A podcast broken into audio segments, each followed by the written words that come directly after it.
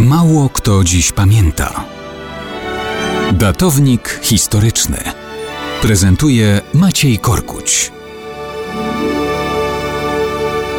Mało kto dziś pamięta, że 23 stycznia 1919 roku wojsko Czechosłowacji zbrojnie napadło na polską część Śląska Cieszyńskiego. To był początek konfliktu, który rzucił się cieniem na całokształt stosunków czechosłowacko-polskich w dwudziestoleciu międzywojennym.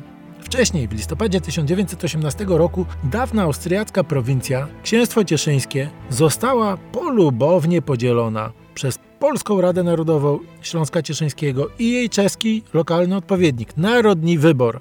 Podział był prosty. Tam, gdzie stanowili większość Polacy, było terytorium polskie. Tam, gdzie Czesi, czeskie ten sposób większość tego regionu wraz z pasem ziemi za rzeką Olzą, stąd nazwanym później Zaolziem, znalazła się po stronie polskiej. Bowiem Polacy w całym księstwie stanowili ponad połowę ludności, a Czesi tylko jedną czwartą. Mieszkali tam jeszcze Niemcy i pomniejsze narodowości ale władzom w Pradze to się nie podobało i na początku 1919 roku postanowiły wykorzystać fakt, że trwały ciężkie walki z Ukraińcami o Lwów.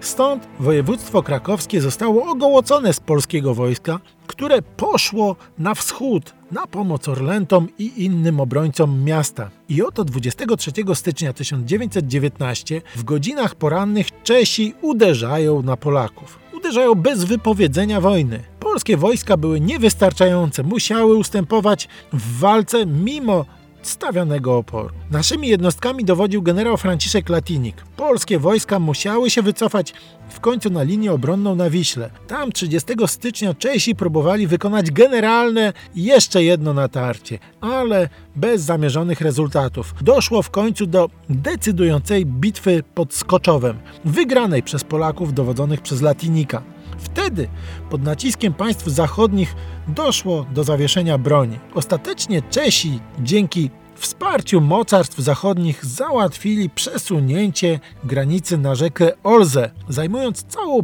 połać Śląska Cieszyńskiego zamieszkaną przez Polaków. Ten konflikt zepsuł stosunki Pragi i Warszawy na całe dwie dekady, żeby powrócić w fatalnym momencie kryzysu Czechosłowacji w 1938 roku. Gdzie drwa rąbią, tam wióry lecą i niekoniecznie ktokolwiek na tym korzysta.